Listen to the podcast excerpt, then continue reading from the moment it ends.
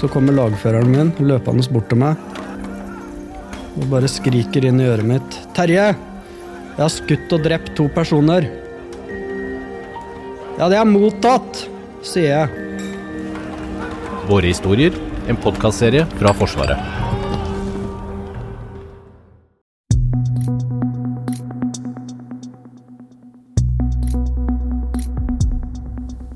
Akkurat nå skal 60 000 norske 17-åringer fylle ut et egenerklæringsskjema som eh, er med på å bestemme om det blir kalt inn til førstegangstjeneste i Forsvaret eller ikke.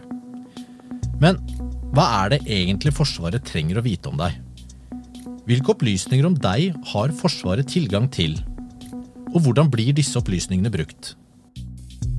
Du hører på Forsvarspodden, og jeg heter Lars Hallingsør. I egenerklæringsskjema er det mange spørsmål. Du skal f.eks. svare på om du har drevet med selvskading, om eh, alkohol- og narkotikabruk, og motivasjonen for å tjenestegjøre i Forsvaret. Bjørn Normann Jacobsen, du er rekrutteringsoffiser ved Forsvarets personell- og vernepliktssenter. Hvorfor er det så viktig for Forsvaret å vite så mye om landets 17-åringer? Nei, Det er jo for å finne de som er egna. Vi har jo en, øh, vi har en veldig spesiell jobb. Da. Eh, og Forsvaret vi er jo til for å trene for krig og krise. Det er derfor vi er der. Eh, og det kan gi ekstreme påkjenninger for mange. Både fysisk og psykisk. Så vi må vite mye om det. Og så har vi jo veldig mye i forbindelse med det med, med yrker. altså Forsvaret er jo et samfunn i samfunnet. Vi har utrolig mange forskjellige jobber i Forsvaret. Eh, så vi trenger oversikt over, over den kompetansen som finnes, da, så vi kan bruke rett mann eller kvinne på rett plass. Det er jo viktig. Vi har vært eh, ute og snakket med noen ungdommer om hva de tror egenerklæringsskjemaet egenerklæringsskjema er, og hva det brukes til. Um, jeg tror det er et sånt skjema man må svare på mange forskjellige spørsmål. Um, skjemaet brukes til å finne 17-åringer som er egnet til å være med i Forsvaret både helseopplysninger og motivasjonen din for å komme inn i Forsvaret. Og så tar Forsvaret og gjør en evaluering basert på dette og bestemmer seg for om du blir innkalt til sesjon eller ikke. Da. Så Hvis jeg har oppgave at du skal hoppe, eller vise hvor langt du kan hoppe, så hopper du, og så skriver du akkurat hvor langt du hopper. Var det en greie på et skjema? Ja. Hvorfor har lengde på hoppen din noe å gjøre med hvordan du Hvis du skal hoppe over en elv eller en sprekk i et fjell eller isbre, så må du vite hvor langt du kan hoppe. Det er jo urelevant. Det er jo ikke urelevant. Hvis, hvis, du skal, hoppe gå... over en sprekk, så må du kunne hoppe over en sprekk. Ja, men da kan du hvis, du, hvis du skriver at du kan hoppe en halv meter, og du, viser, og, du, og du må kunne hoppe én meter, så kommer du ikke inn. Jeg tror de fleste lyver litt på skjema, egentlig. Hvis de vet ikke hva det skal komme inn, så lever de til det dårligere, da, på en måte. Mm, jeg har ikke inntrykk av at det er frivillig å gå inn i Forsvaret, siden man kan ikke velge om man får innkalling eller ikke. Som norsk statsborger skal man, eller er man pliktig da, til å forsvare landet sitt. Det er ikke på, fordi noen har lyst til å straffe en person, det er bare fordi at det norske landet trenger folk til å forsvare det. Alle landets 17-åringer har nå fått dette skjemaet som de plikter å fylle ut. Og hva er egentlig egenerklæringen? Egenerklæringen er en grovsortering eh, for å finne ut eh, hvem vi skal kalle inn på sesjon. Så det er egentlig en forlengelse av sesjon. Eh, og sesjon er jo vår seleksjonsprosess. Så det vil si at 60 000 får egenerklæringen etter at eh, vi har analysert hvem vi trenger videre, så er det rundt 4 25 000 som er med til neste runde, som er sesjon. Og sesjonen, det er, den, det er da møter man opp fysisk? Sesjonen er fysisk oppmøte. Det er da vi får fasiten. egentlig. Det er da vi møter personen, får testa de, eh, møter hos legen. Eh, så da får vi liksom de konkrete svarene. Hvis man svarer at man ikke vil inn i førstegangstjeneste, og så senere finner ut at man gjerne vil ta utdanning i Forsvaret, hva gjør man da? Altså, det er jo ikke noe som svarer at de ikke vil. i utgangspunktet. Altså, det er ikke frivillig å være Så motivasjon er en av de tingene vi ser på. Vi ser på helheten når alle svarer. Uh, har du en rett utdanning, så tar vi det inn uansett, kanskje. Uh, eller hvis du er en frisk og rask person som uh, ikke er noe gærent med, som trener mye, og sånn, så er det jo ikke noe grunn til bare fordi du ikke har lyst. for det, det, gjelder ikke. Det er derfor vi har verneplikt. Eh, det er litt viktig å vite. Ja, Kan du si litt om det? Hva er denne verneplikten? Altså, hva det ordet plikt oppi det her, hva, hva betyr det? Ja, det er jo Ja, det ble skrevet inn i Grunnloven når den ble skrevet. For vi er et lite land. Vi trenger, hvis det verste skulle skje og det blir krig, så trenger vi alle. Det ser vi jo. Vi er så få. Derfor har vi verneplikten. og det vil si at Alle i utgangspunktet norske statsborgere er forplikta til en viss periode av livet å tjenestegjøre for landet. Og det gjelder alle. Eh, så det er ikke noe du kan velge bort. Og den har du. Eh, den plikten gjelder fra det året du fyller 19 eh, til utgangen av året du fyller 44 år. Uavhengig om du blir kalt inn på sesjon eller ikke, så alle vi er vernepliktige. Og også alle kvinner født etter 1997. Så sånn er det.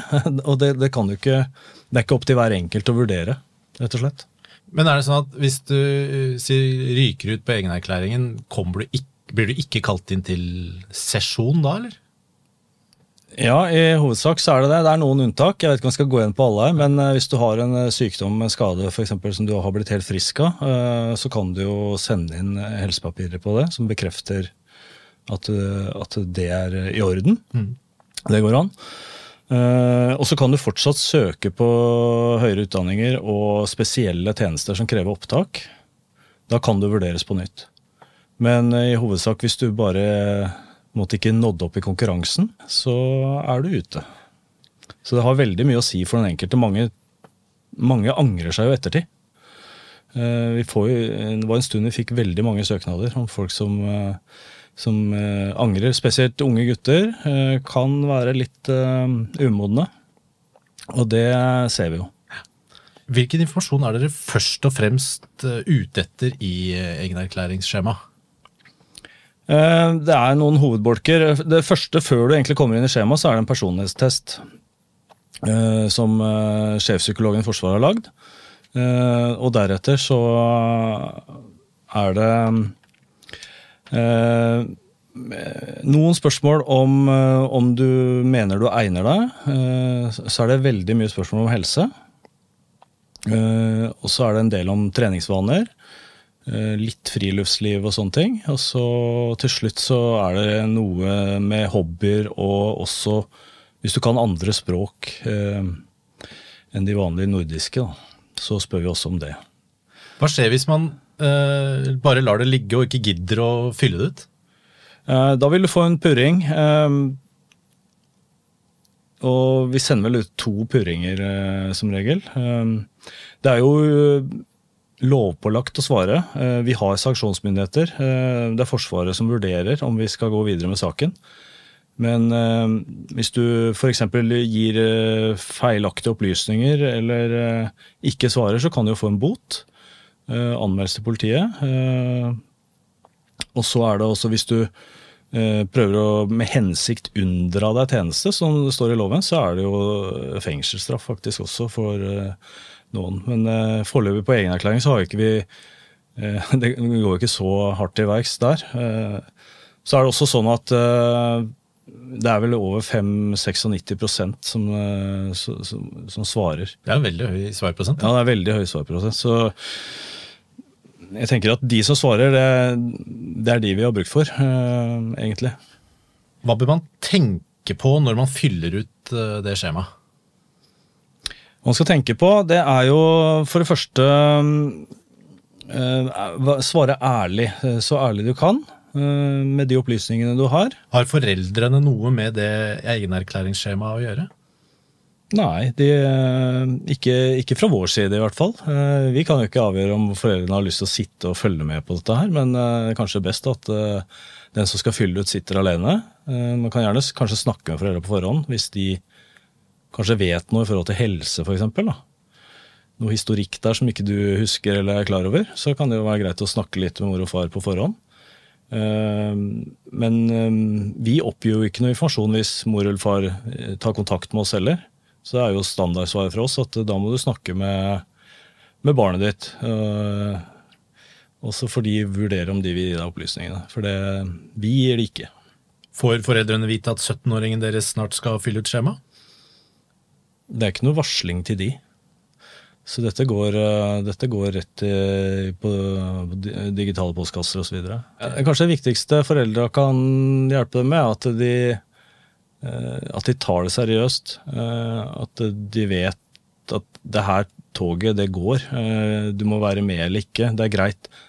Kanskje det smarteste du gjør, er å prøve å holde flest mulig dører åpne. og Så kan du ta noen valg seinere, istedenfor å bare lukke døra til Forsvaret med en gang. Eh, for da er du først ute i den prosessen her, så er det vanskelig å komme inn. Noen få kommer inn. Eh, det kan være en lang sånn klagesak som kan ta mange uker for i hele tatt å få noe svar eh, der. Og kanskje du må levere dokumentasjon og masse Det er mye styr rundt det. Så da er det kanskje det beste at du setter av tid. Uforstyrra, gjør den jobben. Det tar med personlighetstest, altså tar det kanskje opp mot en times tid. Det er vel det kanskje foreldra kan komme med råd om. da, at, at, de må gjøre det ordentlig. Eh, det er viktig. Og så skal de være klar over det at, at, at de er lovpålagt å gjøre dette her. De må, dette er en jobb de må gjøre. Men Dere henter jo inn ganske mye personlig informasjon om den enkelte. Blir det lagra noe sted? Ja, vi kan lagre det som, er, eh, som vi kan bruke til å avgjøre tjeneste. Eh, det kan vi lagre i våre systemer. Eh, for det kan jo hende at noen for F.eks. hvis du tar en lengre utdanning som eh, legestudent, da, for eksempel, så, så vil vi helst at du tar medisinutdannelsen først, og så kommer du inn i Forsvaret etterpå og tjenestegjør som vernepliktig lege hos oss. Så, så vi lagrer informasjon lenge, og så kan du jo søke en del utdanninger osv. Flere år etterpå. Så vi kan vi tar vare på den informasjonen vi trenger for å kunne avgjøre om du kan komme inn eller ikke. Da. Kan da denne informasjonen brukes mot deg senere i livet? Det spørs hva du mener med 'brukes mot deg', men uh, i forhold til hvis du søker en jobb i Forsvaret eller en utdanning i Forsvaret, så kan, så kan vi jo bruke den informasjonen vi har for å avgjøre da om du er egna eller ikke. Om vi skal ta deg på et opptak, f.eks. For på Forsvarets opptak og seleksjon da, for å komme inn på en krigsskole så kan vi vurdere å bruke det. Det du har svart, det gjelder jo for så vidt, for du er jo pålagt å svare ærlig. Så, eh, så det blir ikke brukt mot deg som sådan. Men klart, eh, hvis, hvis du, vi har jo hatt noen tilfeller med folk som har svart feil med vilje, kanskje, og så angrer seg og prøver å komme inn, men da er det jo det er jo det du skrev som gjelder. For mange, altså Man blir f.eks. spurt om psykisk helse. Mm. Og for mange kan det sikkert være ubehagelig hvis det man svarer skal lagres i lang tid? Ja, men husk på at eh, det er jo, det er for vår seleksjon. Eh, vi deler jo ikke dette med noen andre. Eh, vi deler ikke dette med politi eller noen andre statlige eller privat, for den saks skyld. Dette er vår informasjon. Vi bruker det til å selektere de som skal inn eller ut. Ikke noe mer. Så det som du har svart der, det blir jo liggende. Men det er jo vi har jo 60 000 i året òg. Det er jo ingen som sitter og blar gjennom dette her. Det er jo en enorm mengde med informasjon. Så det du sier er at det er ingen andre etater i Norge som har tilgang på dette? Nei, det er ingen som har tilgang til våre systemer. Vi har våre egne graderte systemer. Øh, og den informasjonen den er vår, og vi bruker den til seleksjon.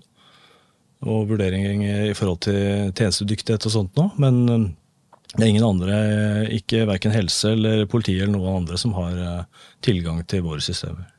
Hvilken annen informasjon har dere tilgang til om de som fyller ut egen erklæringsskjema? Nei, i hovedsak, så det, Dette står jo også i loven av hvem det er som skal gi oss informasjon. Eh, vi får fra Folkeregisteret. Der får vi jo mye i forhold til adresse, pårørende, eh, opprinnelig statsborgerskap, alt mulig sånne ting. Eh, og så får vi informasjon fra skoleverket, Vigo, den databasen der. Så vi, der får vi jo tilgang til alle karakterer og fravær og orden og oppførsel. Så vi bruker den informasjonen. Og så er det også det fra Vigo i tillegg. Det er jo også, det er mye kritisk utdanning eh, som vi trenger. Eh, det kan være kokker, det kan være eh, verkstedpersonell, eh, flyfag. Og så har vi førerkortregisteret. Og så står det vel i loven også eventuelt andre registre, men foreløpig så, så, er det vel ikke så veldig mye mer. vi sjekker vandel hos politiet, det gjør vi jo. Vi kaller ikke inn folk til sesjon som har alvorlige ting på vandel. Eh, småting kan vi vurdere, eh, men ikke de store tingene. Hva skjer videre når skjemaet da er fylt ut og dere har sendt av gårde til dere? Ja, først og fremst så er det jo jeg kan jo si litt sånn Teknisk sett så kan man eh, Du kan fylle ut flere ganger helt til fristen går ut. Eh, så blir dette analysert i en sånn eh, nemnd i Forsvaret. Da er det psykologer, offiserer, leger Så det er mange som er med. Og så finner man en liste med de best egna, og så blir de da tilskrevet eh, rundt eh, påsketider normalt. Så, men, men, alle får svar, eh, og det kommer i mars-april en gang. Er det noen i aldersgruppa som ikke mottar skjema? Ja, det er de som ikke er norske statsborgere. Får jo ikke dette automatisk. Ehm, så er du ikke norsk statsborger, så får du ikke skjema i utgangspunktet. Men vi får stadig henvendelser fra folk som, som gjerne vil tjenestegjøre. Og, og, da er det ofte at de kan sende henvendelse til Forsvaret eh, hvis de har bodd i Norge lenge, kanskje sånn rundt ti år, eller at de har en sterk tilknytning til landet vårt. Eh, og så har tenkt å bosette seg der eh, videre. For vi gir jo ikke en utdanning som soldat, og så skal du flytte et annet sted etterpå. Så det er litt viktig. Men det er fullt mulig å få til. Eh, du må kunne sikkerhetsklareres, det er litt viktig. Ehm, og det vil si land som vi har et eh, sikkerhetspolitisk samarbeid med. Da. Av disse 60 000 er det da ca. 11 000-12 000 skal, som skal inn og tjenestegjøre. Hva er det som avgjør hvem av disse 60 000 som blir kalt inn til førstegangstjenesten? Det er jo de testene vi gjør på sesjonen som avgjør. Vi tester evnenivå, altså hvor, eh, om du klarer å lære fort. Vi tester fysisk kapasitet, både styrke og utholdenhet. Og så er du på legesjekk og, og gjennomfører den. Uh, og det er summen av det som avgjør uh, om du skal tjenestegjøre eller ikke. Er du frisk, relativt uh, trent og har med deg hodet, klarer å tenke fort, så, så, så, så skal du i utgangspunktet inn til tjeneste. Har religion eller legning noe å si?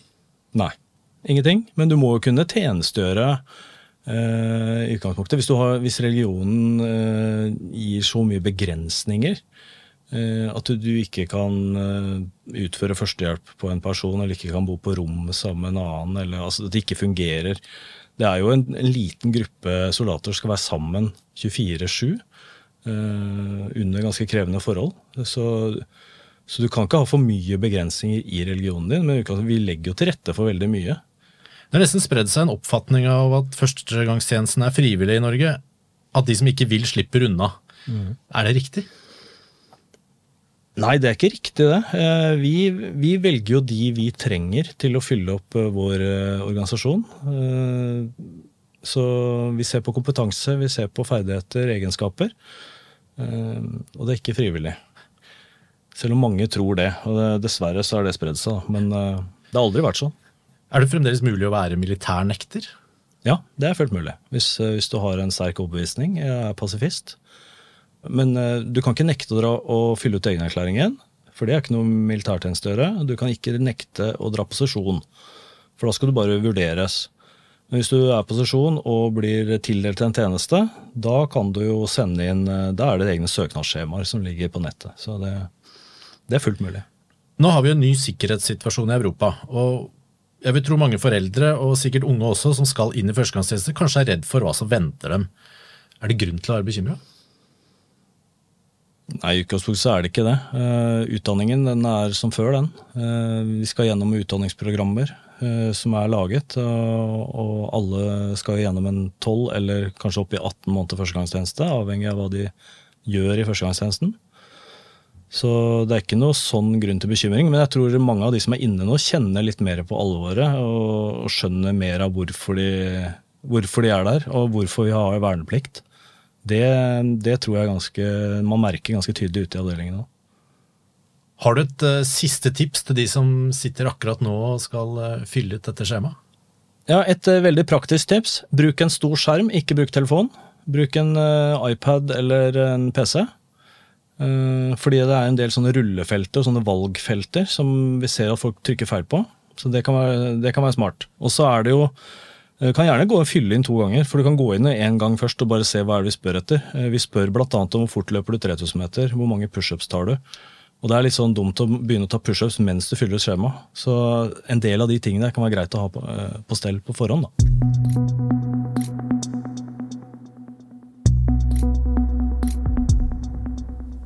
Du har hørt på Forsvarspodden. Hvis du likte det du hørte, del gjerne med venner og kjente.